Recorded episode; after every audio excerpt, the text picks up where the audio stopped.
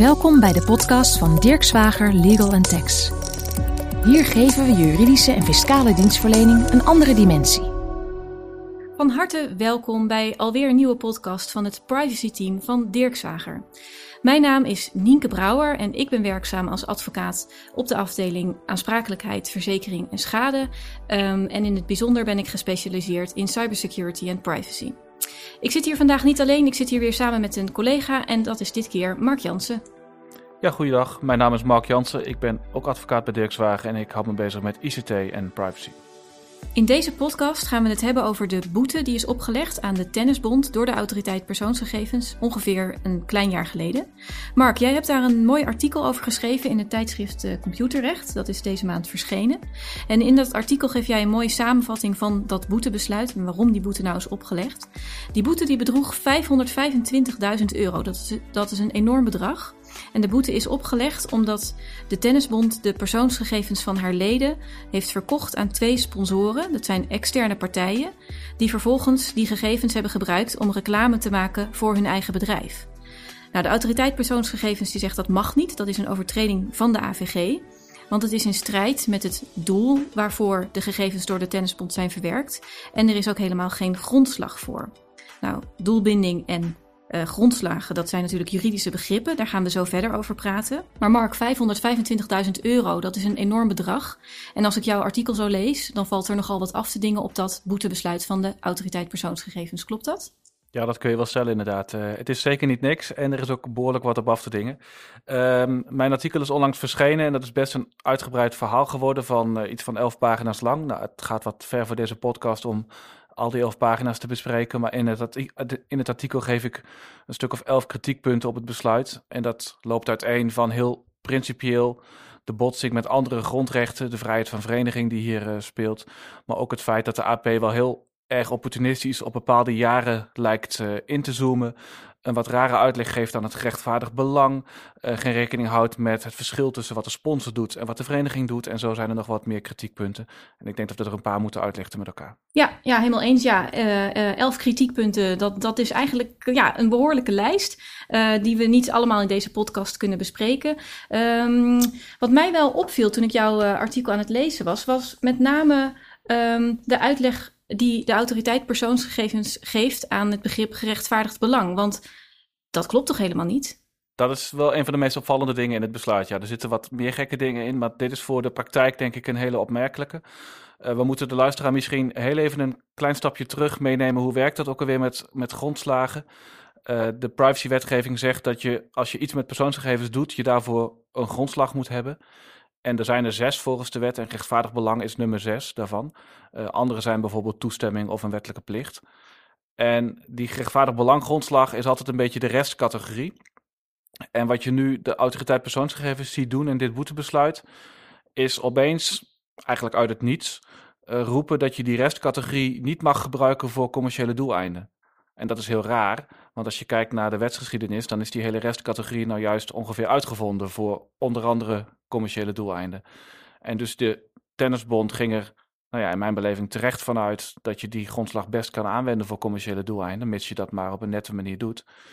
Uh, en de autoriteit persoonsgegevens ja, fluit de bond uit het niets terug en roept eigenlijk uit het niets dat die grondslag daar helemaal niet voor uh, bedoeld is. En dat is een van de hele gekke dingen van dit uh, besluit. Ja, ik ben het met je eens. Uh, jij schrijft ook in je artikel dat de autoriteit persoonsgegevens een radicaal eigen koers is gaan varen. Als ik kijk naar de vaste rechtspraak van het Hof van Justitie, die al was verschenen natuurlijk voor uh, dit besluit van de, van de autoriteit persoonsgegevens, is het dan ook niet raar dat de autoriteit daarnaar helemaal niet heeft verwezen? Ja, dat klopt. Dat is inderdaad heel gek. Uh, het privacyrecht is Europees recht. En dat betekent dus dat de hoogste rechter de Europese rechter is. En de Europese rechter heeft al in meerdere uitspraken geoordeeld dat je dat rechtvaardig belang altijd als een open norm moet toepassen. En dat daarvoor drie criteria gelden, namelijk heb je een rechtvaardig belang, heb je een noodzaak en dan als derde uh, wegen de belangen van de betrokkenen niet zwaarder. En uh, normaal gesproken lag de nadruk altijd op dat derde element van of de belangen van de betrokkenen niet zwaarder weegden. Dus als je iets heel privacygevoeligs wilt gaan doen, dan past het rechtvaardig belang niet. Dat is netto ongeveer het effect van die, van die regel. En uh, het Hof van Justitie heeft ook altijd benadrukt dat je niet van tevoren al kunt zeggen hoe je die weging moet doen. je kunt geen harde zwarte lijsten of zoiets maken. Daar is, die vraag is wel eens aan het Hof gesteld. En toen heeft het Hof duidelijk gezegd: nee, dat gaan we niet doen. Het is en blijft een open norm. En het gekke is nu dat de AP ineens wel een soort van zwarte lijst maakt door te zeggen: commercieel mag niet. Nou, volgens mij klopt dat niet. Nee, als ik uh, uh, naar de rechtspraak uh, kijk, die jij ook bespreekt in je artikel, dan zou ik ook denken dat dat niet klopt. Um, dus ja, in, in, in, beroep tegen dit, tegen dit besluit zal dat ongetwijfeld nog, nog aan de orde gaan komen. Ik ben heel benieuwd wat de rechter daarvan vindt. Ja, ik ook. En het gekke is ook, je hebt een overlegorgaan van Europese privacy toezichthouders. En die hebben een paar jaar terug een document uitgebracht waarin die norm gerechtvaardigd belang is uitgelegd. En daarin staat gewoon dat commercieel gebruik van uh, persoonsgegevens onder dat gerechtvaardigd belang kan vallen. Dus de toezichthouders, zodra ze bij elkaar zitten op Europees niveau, zijn ze, het op, zijn ze het met elkaar eens dat commercieel gebruik kan. En zodra Nederland dan weer terug in een Nederlandse kantoor zit, kan het opeens niet meer, terwijl het een Europese wet is. Dat, dat kan natuurlijk niet waar zijn. Ja, ja en dat, jij schrijft ook dat um, de, uh, de tennisbond zich hierdoor misschien ook wel overvallen kan voelen door zo'n beslissing. Ja, want er was geen enkel signaal van tevoren dat de AP hier opeens anders over zou uh, is gaan denken. Dus uit het niets uh, kwam ineens die andere uitleg van de wet naar voren. En hoe moet je daar nu op voorbereid zijn? En de, de tennisbond roept ook dat dit in strijd is met het vertrouwensbeginsel. Nou ja, dat is volgens mij niet helemaal waar, want het vertrouwensbeginsel is meer dat de lokale wethouder jou heeft toegezegd dat je een vergunning krijgt en je krijgt hem toch niet. Dat is een wat, ander juridisch leerstuk. Dit gaat meer over de rechtszekerheid.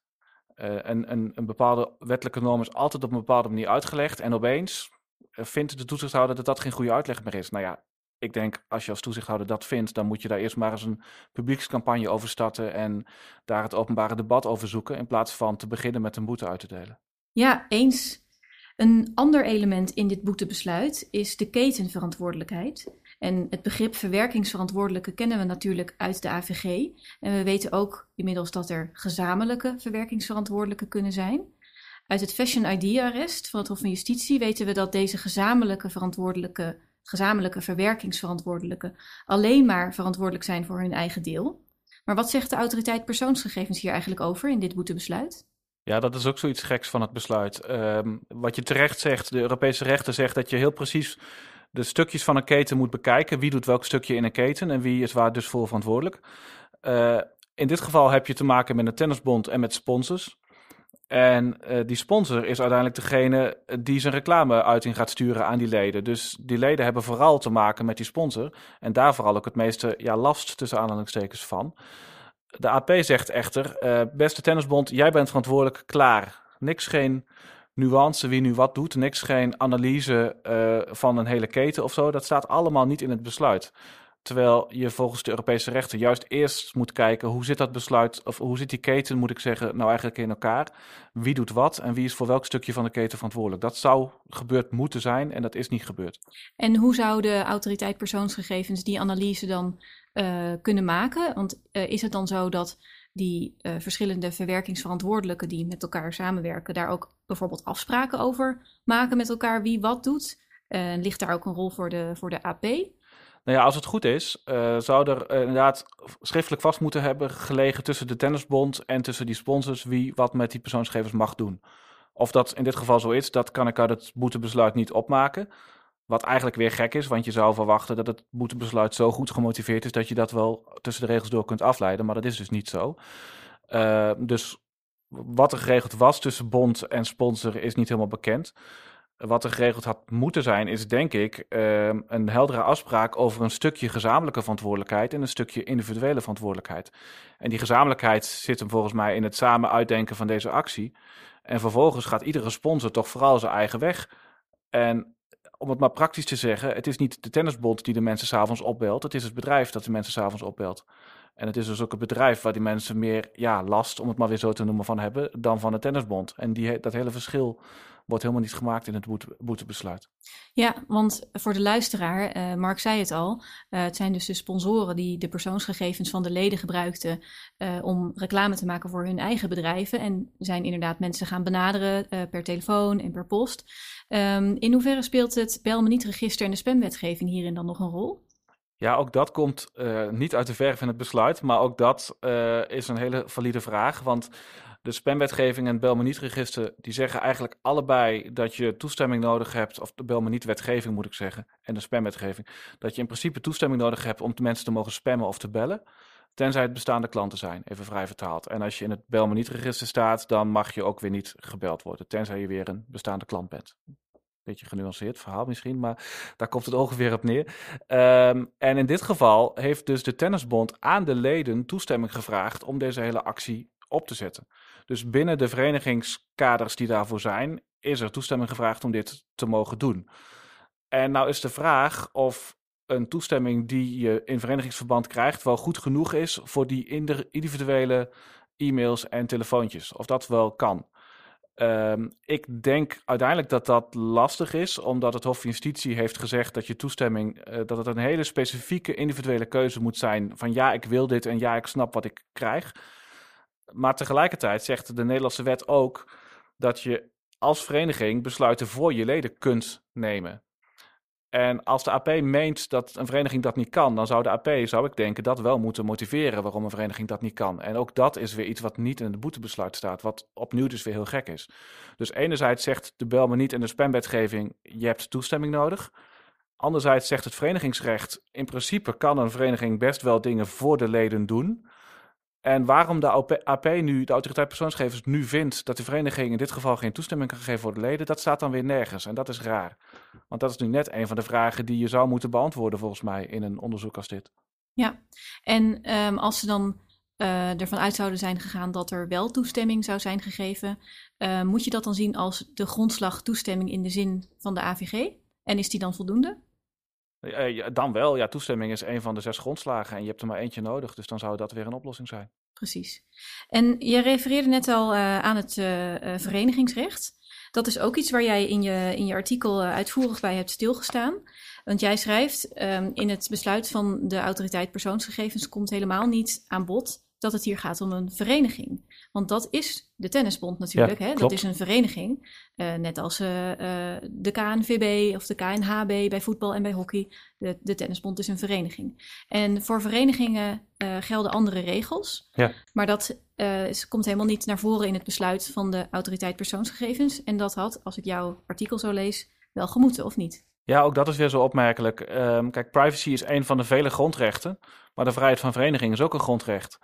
En de luisteraar herkent dat misschien wel toen we een paar jaar terug de discussie hadden of je nou motorclubs kunt verbieden, ja of nee.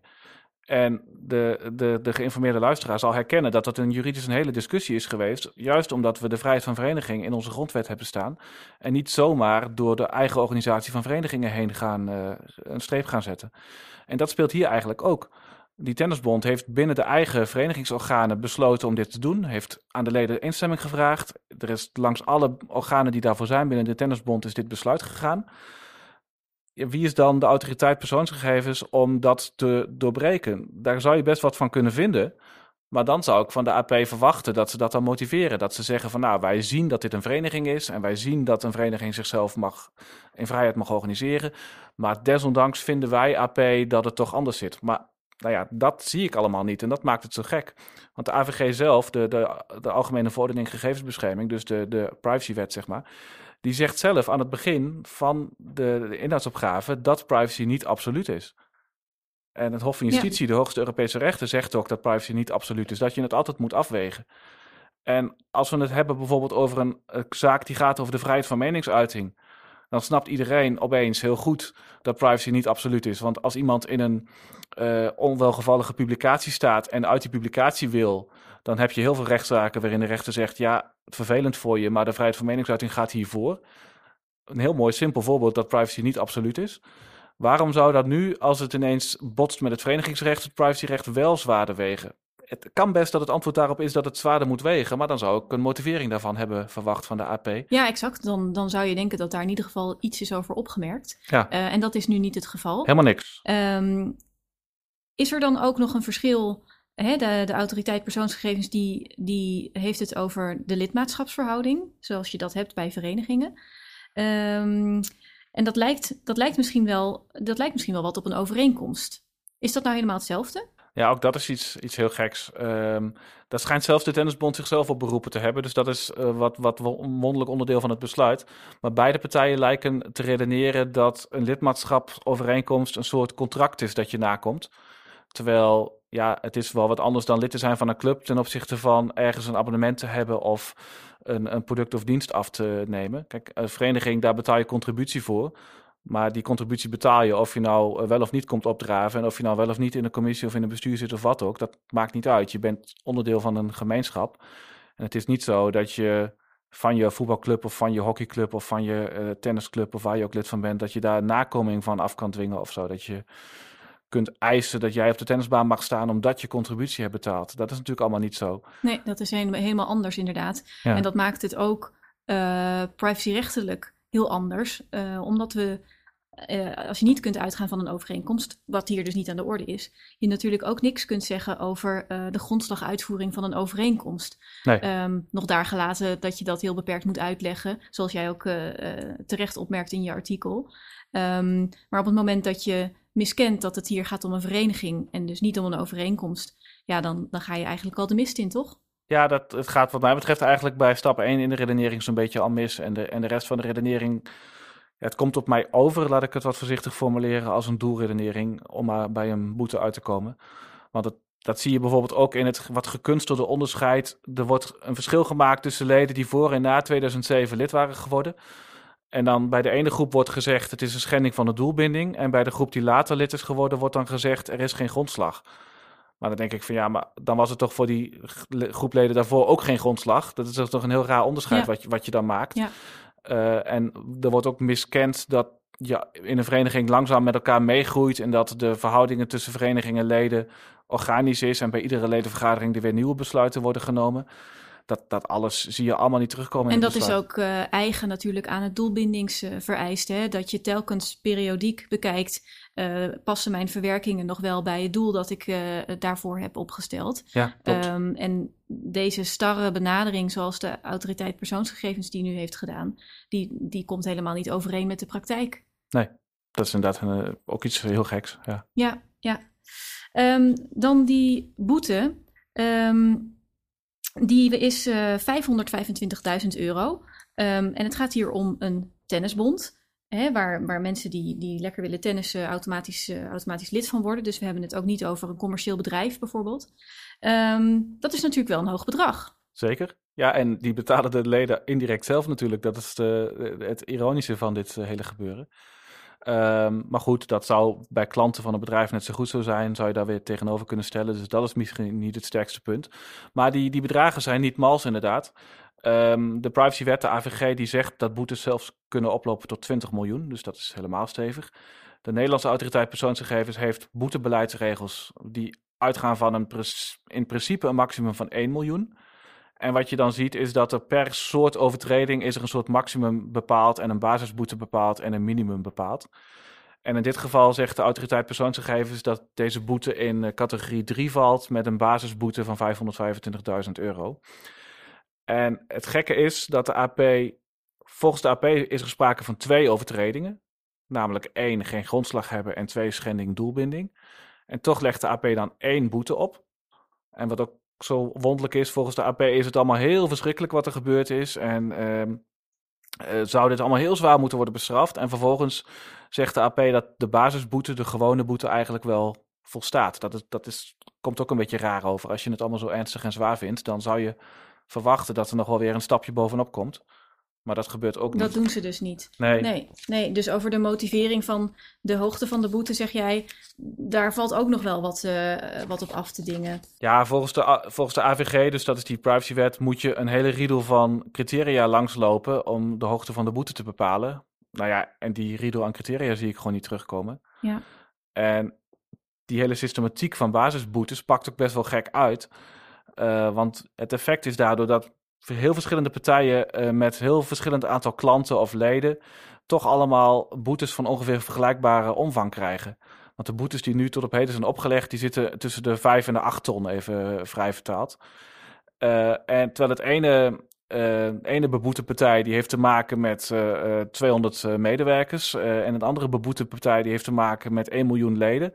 En weer een andere beboete partij heeft te maken met 10 miljoen consumenten. En ze krijgen toch allemaal die boetebedragen die tussen de 5 en de 8 ton zitten. Ja, dat is wel moeilijk te verklaren eigenlijk. Ja, ja, maar als je het dan omrekent naar een boete per betrokkene, dan krijg je bedragen die uiteenlopen van een paar cent per betrokkene tot duizenden euro's per betrokkene. Ja, dat, ik kan dat niet uitleggen. Ja, ja en uh, uh, al met al zijn het natuurlijk uh, enorme bedragen waar we het over hebben. Laten we wel zijn. Ja, precies. De, de Tennisbond ja, die heeft ongetwijfeld beroep ingesteld tegen, tegen dit besluit. Dus dit, dit krijgt nog een vervolg. Zeker. ik ben er heel benieuwd naar. Ik ben ook benieuwd of in die procedure die, die ongetwijfeld nog gaat volgen uh, nog wat gezegd gaat worden over het mooie artikel dat jij hebt geschreven. Um, voor nu zijn wij uh, aan het einde gekomen van deze podcast over de boete van de Tennisbond. Uh, we hopen dat u dit een interessante podcast heeft gevonden. En wilt u nou meer weten over actuele juridische onderwerpen over het privacyrecht? Of heeft u specifieke vragen aan ons privacy team? Neemt u dan gerust contact met ons op via de pagina van ons privacy team op de website www.dirkzwager.nl. Uh, voor nu willen we u hartelijk danken voor het beluisteren van deze podcast en hopelijk tot een volgende keer. Dirk Zwager Legal Tax, podcast.